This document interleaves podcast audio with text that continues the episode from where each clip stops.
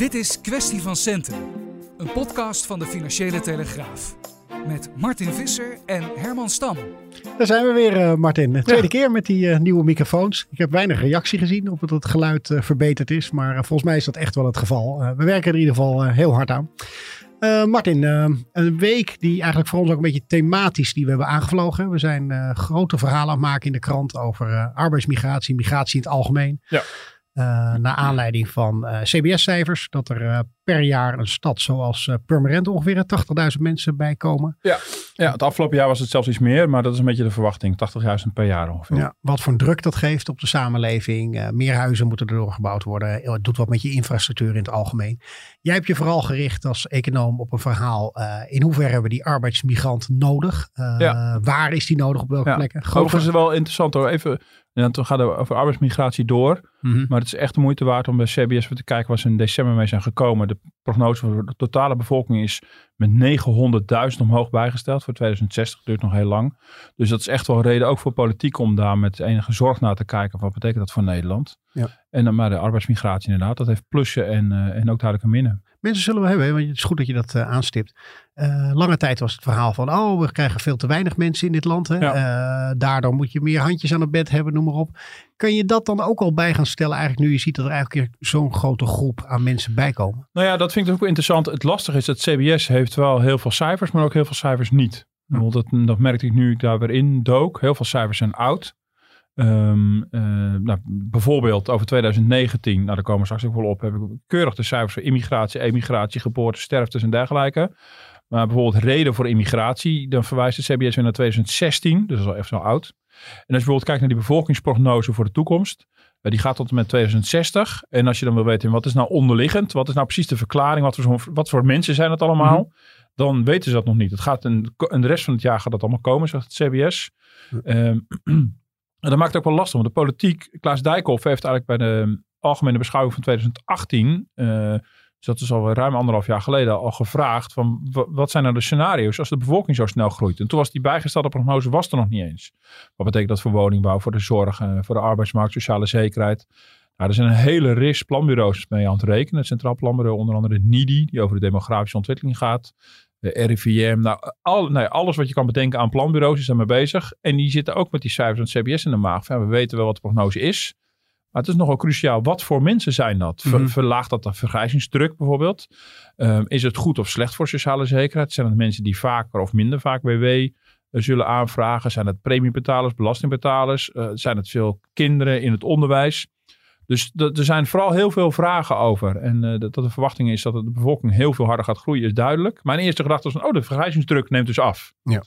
Maar daarvan zeggen veel economen van nou, dat, dat wagen we nog wel te betwijfelen. Maar dat, we weten dus niet zo goed welke populatie erbij krijgt. Maar dat is ook gewoon heel moeilijk om in kaart te brengen nu al. Nou ja, die voorspelling is natuurlijk sowieso, dat gaat decennia vooruit. Dus al hele grote slagen om de arm. Maar als het CBS wel kan uh, zeggen van uh, in december 2018 verwachten we zoveel mensen in 2060. En in december 2019, uh, één jaar later zijn het er 900.000 meer. Mm -hmm. Ja, dan verwacht je toch wel dat ze aan kunnen geven waarom dat in zit. Nou, migratie is een van de oorzaken. Zijn tweede, de, de geboorte geboortecijfer daalt iets en de, en de immigratie neemt toe. Dat zijn, de, dat zijn de twee trends die erin zitten. Maar voor, voor het vraagstuk voor de politiek, van wat betekent dit voor het land? Wat betekent dit voor het aantal woningen en dergelijke, voor de, ja, ook voor het vervoer?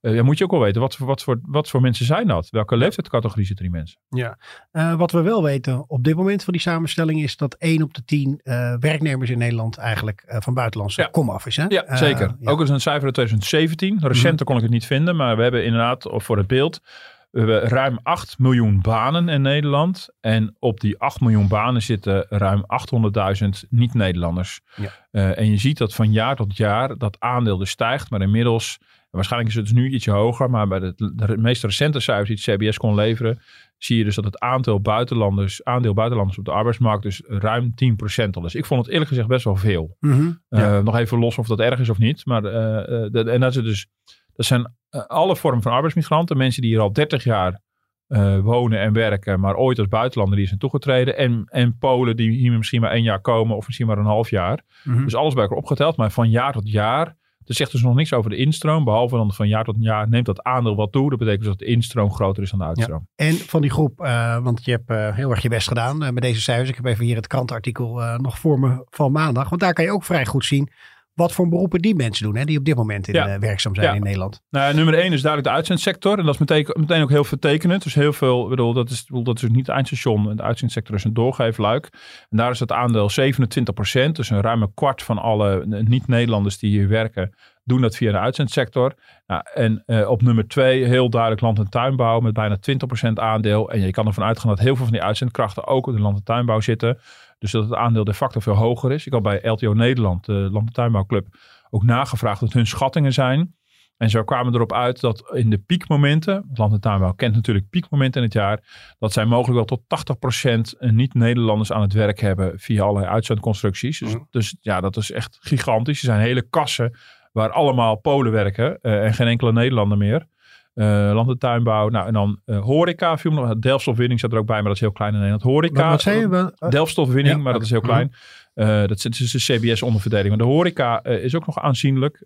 Bijna 14 procent. Er zitten relatief veel Aziaten. Chinese Mhm. koks, denk dan meteen aan. En dan nog de ICT. Dan moet je natuurlijk vooral weer denken. Ik praat een beetje in clichés. Maar dat is, dat is de, slimme, de slimme jongen of meisje uit India. Um, in een industrie. En de bouw was relatief weer laag, gek genoeg. Terwijl daar ook wel vrij veel niet-Nederlanders werken. Maar wellicht ook via uitzendconstructies. En dat vertekent een beetje het cijfer. Maar de bouw heeft wel heel veel, heel duidelijk uh, uh, buitenlanders nodig. Ja, nou, nou zag ik in, die, uh, in je verhaal wat je schreef, komt die discussie natuurlijk. En dan spreek je met mensen van de vakbonden. En die zeggen, ja, wacht eens eventjes. Kijk eerst eens even goed om hier dat ja. arbeidspotentieel goed te benutten. Er zijn nog mensen in bijstand, noem maar op. Uh, en aan de andere kant de werkgevers, ja, ik heb gewoon een, een stevige pol nodig, want uh, mijn asperges moeten geplukt worden. ja, ja, dat was inderdaad een econoom die dat zo stelde. Van ja, uh, A, de, de, de, de criteria voor de bijstand hebben in de afgelopen jaren flink aangescherpt. Ik bedoel, de mensen die daar nu nog in zitten in de bijstand, die zitten er niet zonder reden in. Dat zijn mensen die nou, A, natuurlijk werkloos zijn, maar in de praktijk ook wel in veel gevallen bijkomende issues hebben, problemen hebben, financiële problemen, sociale, psychische problemen. Ja, dat is een groep mensen, dat zijn er nog een paar honderdduizend, die we echt niet zomaar aan het werk kunnen krijgen. Uh, persoonlijke ergernis voor mij is dat grote steden, sommige grote steden nu pas ontdekken dat ze iets met die populatie moeten. Want ongetwijfeld zitten er mensen bij die uiteindelijk wel, wel, wel degelijk iets kunnen, maar die zijn heel lang gewoon een beetje met rust gelaten. Die hebben gewoon een beetje aan hun lot overgelaten. Mm. De economie draait al een aantal jaren als een tierenlier. Dat neemt zelfs een klein beetje weer af. En nu denken grote steden van kom, laten die mensen eens helemaal langs, uh, langskomen. Uh, dus die moeten zich nu gaan melden. Maar goed, dat is niet 1, 2, 3 te regelen. En die econoom zei inderdaad van ja, uh, die, die, die, die tuinbouwer uh, die, de, met het aspergebedrijf heeft liever een gespierde pol mm -hmm. dan een bijstandsmoeder met een paar puberzonen thuis. Ik bedoel, die mevrouw heeft wel wat anders aan haar hoofd en is niet zo geschikt voor, voor dat werk. Was natuurlijk een beetje een karikatuur. Maar ik snap wel, ik snap wel wat hij wat die bedoelt. Ik bedoel, je moet natuurlijk niet denken dat de bijstand nou nog helemaal ramvol zit met mensen die gewoon ogenblikkelijk morgenochtend kunnen beginnen. De fysieke kwaliteiten hebben, uh, ook het arbeidsmoraal hebben om te komen. Maar zou het niet sowieso een verplichting eigenlijk van jezelf moeten zijn als werkgever? Dat je daar eerst wel naar kijkt. Hm. Dat je wel probeert al die mogelijkheden te benutten. Nou, dat oppert tussen CNV ook. En daar kom je meteen bij een probleem uit. Want uh, binnen Europa is dat niet per se nodig. We hebben open grenzen. We hebben ook open, open arbeidsmarkt. Vrij verkeer van personen. Voor Midden- en Oost-Europa is het een tijdje nog uh, uh, met enige belemmering geweest. Er zat een quota op en wat terughoudendheid. Uh, omdat we ook moesten zorgen dat we de huisvesting voor die, voor die mensen op orde hadden. Wat in heel veel gevallen uiteindelijk niet zo bleek te zijn. Maar in principe is het vrij, vrij makkelijk voor een werkgever om mensen uit Oost- en, en Midden-Europa te halen. En er zijn ook een aantal uitzendbureaus helemaal gespecialiseerd daarin. En CNV oppert wel van je zou misschien een soort eis kunnen stellen van heb je als werkgever voldoende gedaan om, om elders mensen te halen. Ik weet niet zo goed hoe je de vorm wil geven. En, en ja, het is wel strijdig met vrij verkeer van personen. Maar je ziet wel ook in de politiek komen er steeds meer stemmen op om ook naar de migratie binnen Europa te kijken. Mhm. We weten wel waar je aan begint. Nou, we hebben een vrij verkeer van, van goederen, van diensten, van kapitaal en personen. Dat zijn vier vrijheden. Dat is echt de, de basis van de Europese Unie. Ik zie alle bezwaren overigens wel. Maar als je dat gaat inperken, wat de Britten hadden willen doen, wat Cameron had willen doen, heeft hij niet zijn zin gekregen met de brexit tot gevolg.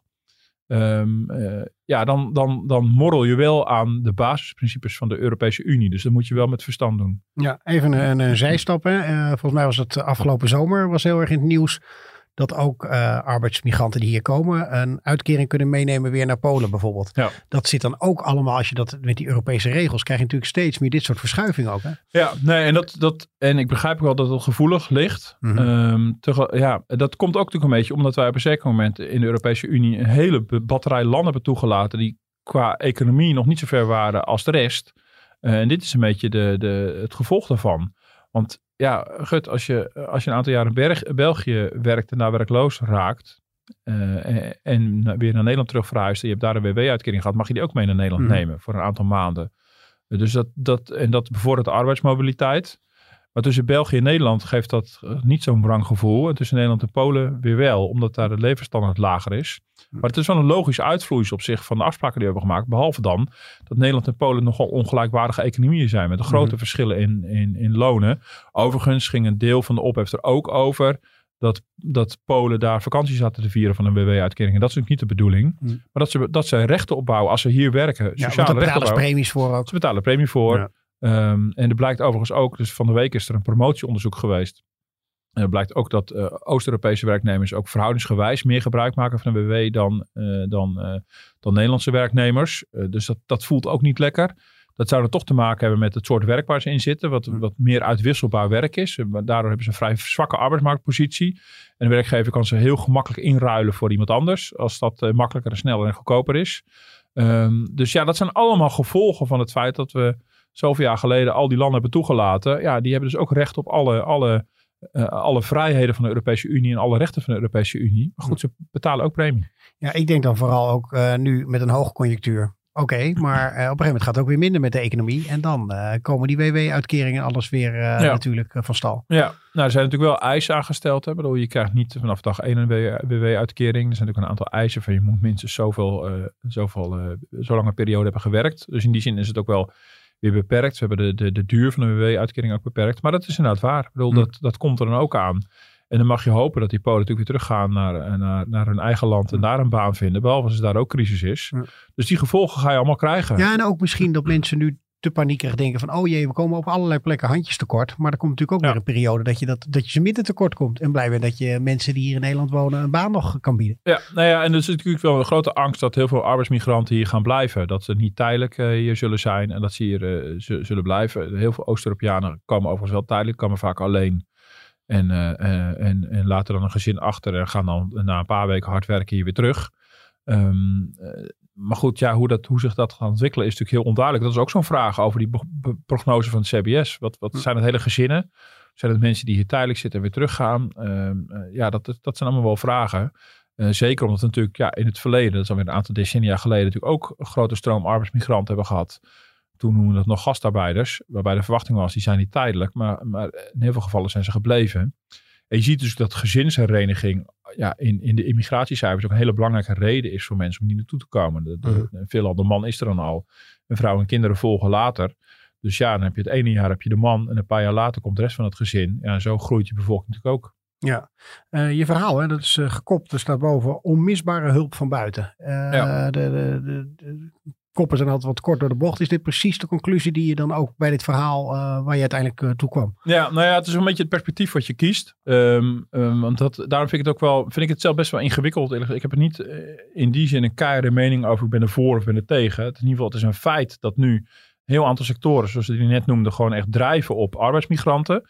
Dat je ook niet kan zeggen, we gooien morgen de grenzen dicht. Even, af, even los van of dat juridisch kan.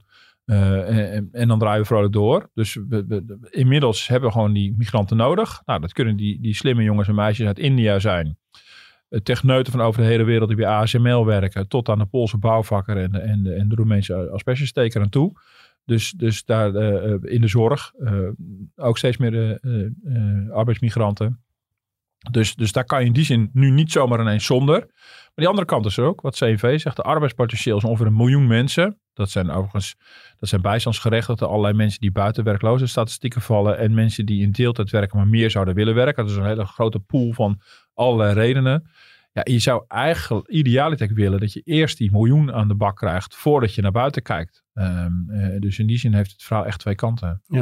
Eh, je noemde het al, hè, die zorg. Hè? Zullen we eens even luisteren naar een eh, fragmentje? Want er, zijn, er is veel media zijn er aan berichten over die arbeidsmigratie en wat we daar nou mee moeten doen. Uh, bij Nieuwsuur uh, ging het over de zorg en dan ook vooral over Filipijnse verpleegsters die eventueel deze kant op komen. We hebben vier verpleegkundigen uit de Filipijnen aangetrokken via Jeroen Reunis. En uh, die worden op dit moment in de Filipijnen helemaal klaargestoomd voor Nederland. En die, komen, die verwachten we binnen nu en een week of twee, drie om te komen helpen bij ons in de zorg. En waarom huurt u geen Tilburgers in? Die zouden we graag inhuren als we ze konden vinden. Ja, het is eigenlijk een beetje dezelfde discussie. Hè? Ja. die kunnen we gewoon niet vinden eigenlijk. Ja, ja. Nee, dat, zijn natuurlijk, dat is natuurlijk een sector met, uh, met flinke tekorten. En dan, uh, ja, dan is het dus op een gegeven moment voor een werkgever natuurlijk aantrekkelijk en, en logisch natuurlijk om, om ja, buiten de landsgrenzen te kijken. In dit geval zelfs buiten de Europese grenzen. Um, ja, dat is, dat is natuurlijk gewoon en die, ja, die kwestie lag natuurlijk ook voor in dat verhaal. Van, ja, wat wil je precies? Ik bedoel, het is in die zin ook een keuze. Bedoel, je kan ook zeggen, ja, dat, dat op een andere manier op. Uh, de zorgrobot. Nou, uh, mm -hmm. dat kan ook allemaal. Dan refereer je ook een beetje aan in Japan. Hè? Want dan ja. heb je eigenlijk een, een, vergelijkbaar iets. Vergrijzing gaat snel ja. uh, omhoog daar. Ja. En vrij strenge immigratieregels hebben ze ja. toch? Ja, overigens kreeg ik als reactie op dit verhaal ook weer te horen van... nou, ook in Japan zijn ze daar wel aan het schuiven. Mm. Die hebben, hebben, grote tekorten. Die hebben de vergrijzing al veel eerder, eerder gehad. En die hadden aanvankelijk hele strenge regels.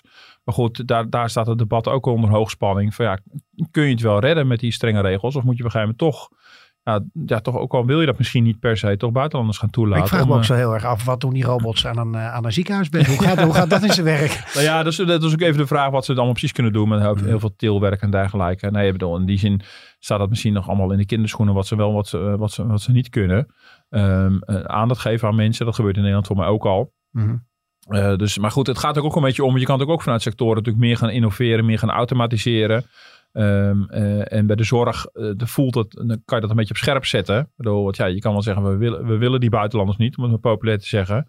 Maar ja, dat betekent dat je gewoon handen aan het bed tekort komt. En dat willen natuurlijk ook niet.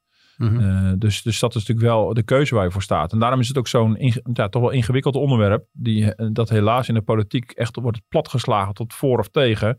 Ja, was het maar zo simpel. Maar zo simpel is het dus niet. Het heeft heel veel aspecten. De economie heeft het nodig. We hebben die handen nodig aan het bed. Hebben die werknemers nodig. En tegelijkertijd zien we ja, dat als, je, als de bevolking te hard groeit en er komen te veel mensen van buiten, dat we het moeilijk vinden om dat A, de integratie goed te laten slagen. Uh, en, en, en B, gewoon ook ons land erop in te richten. Ik bedoel, nou, als het gaat over de volle wegen, de volle treinen mm -hmm. uh, en, en, dergelijke. Ja, dat zijn gewoon grote vraagstukken waar de politiek nu voor staat. Ja.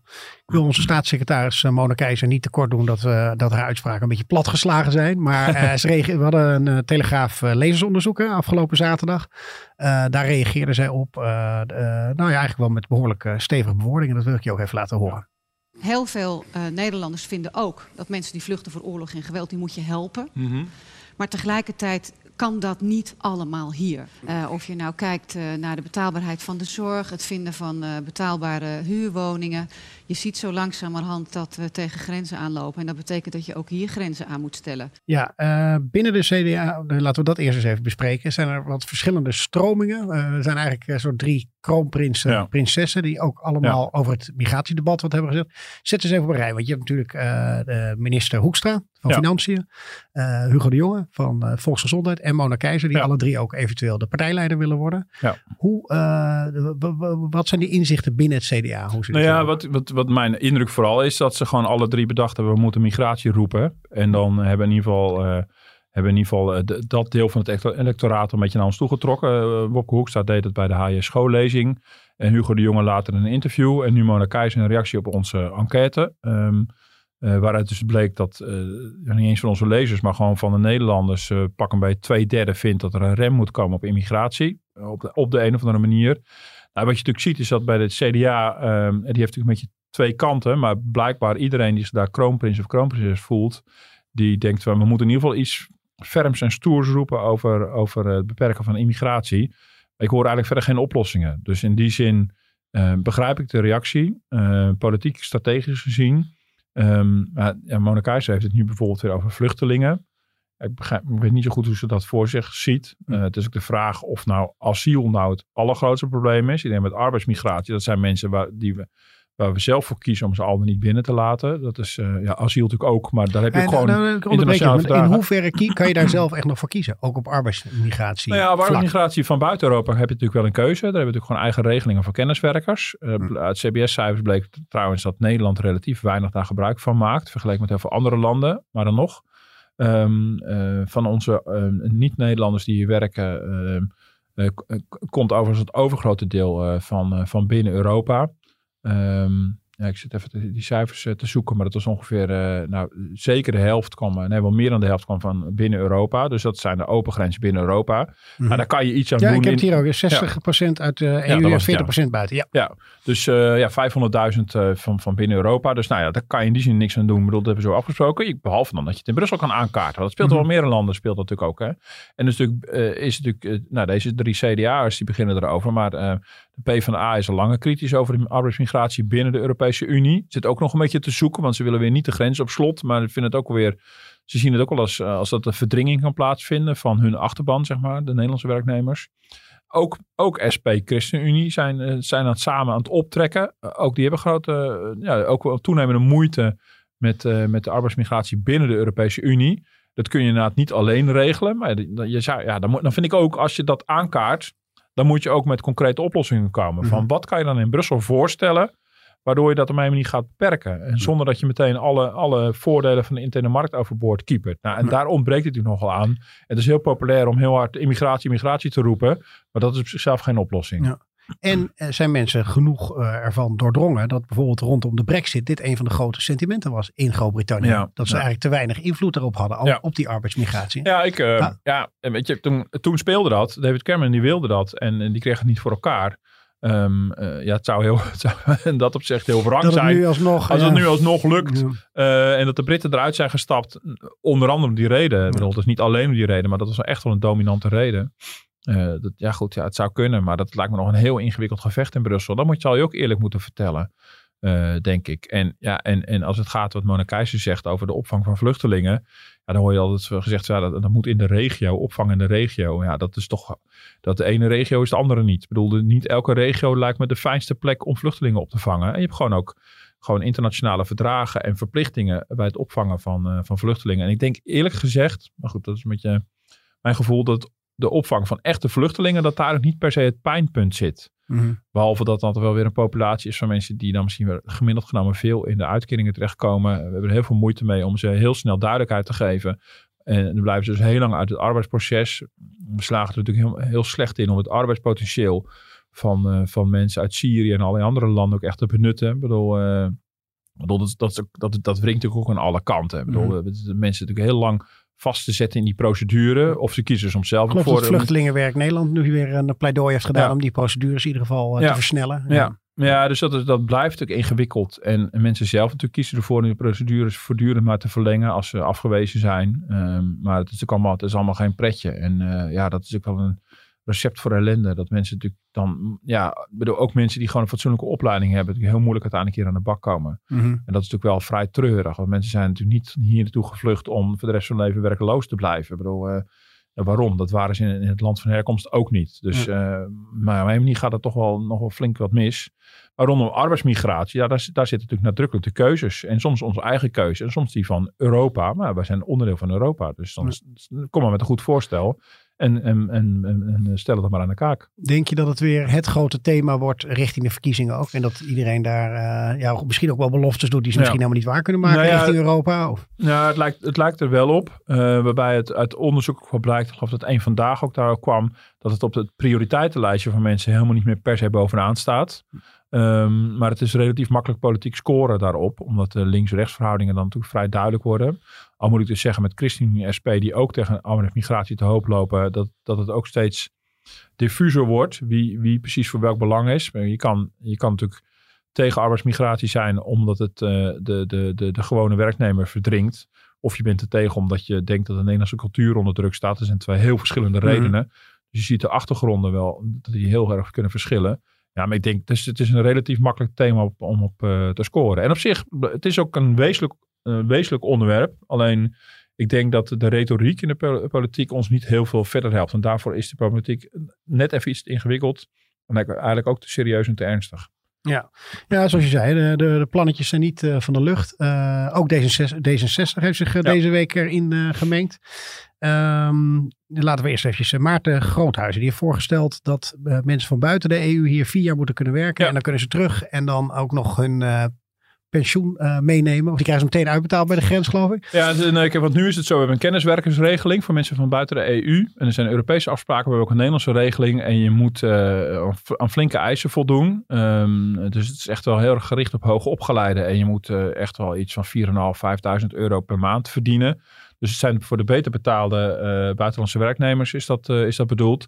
En hij suggereert van we kunnen ook lager geschoold personeel van buiten de EU makkelijker naar binnen kunnen halen. Mm. En, um, uh, maar dan wel tijdelijk. Nou, daar kwam heel veel reactie natuurlijk uit de Tweede Kamer op. D66 die wil niet kijken naar de 1 miljoen mensen die in Nederland aan de kant staan. Die maar al te graag aan de slag zouden willen gaan. D66 die kiest voor de makkelijke weg, zeg ik. Die zegt laten we nou mensen uit Afrika in dit geval halen. Hoe kunnen we nou zeggen, kom even naar Nederland, kom in onze rijke uh, verzorgingshuizen werken en daarna sturen we je terug naar Afrika met wat je hier geleerd hebt. Zijn we dan niet bang dat we mensen die erg goed zijn in hun eigen land, die daar met kennis kunnen bijdragen aan het opbouwen van de maatschappij daar, dat we die gaan uh, weghalen. Het verwarrende vind ik dat D66 een regeringspartij is. En dan denk ik van, hé, hey, hoe zit dat nou? Betekent dit dat eigenlijk D66 het kabinetsbeleid heeft opgegeven? Dat zegt, nou, er komt eigenlijk niks meer met die uitvoering van het regeerakkoord. We hebben eigenlijk helemaal geen grip meer op het migratiebeleid. Dus we komen zomaar nu met nieuwe plannen. Hoe moet ik dat politiek zien? Nou, onder andere Henk Krol was uh, goed herkenbaar van 50PLUS. Uh, ja. Kees van der Staaij van de SGP.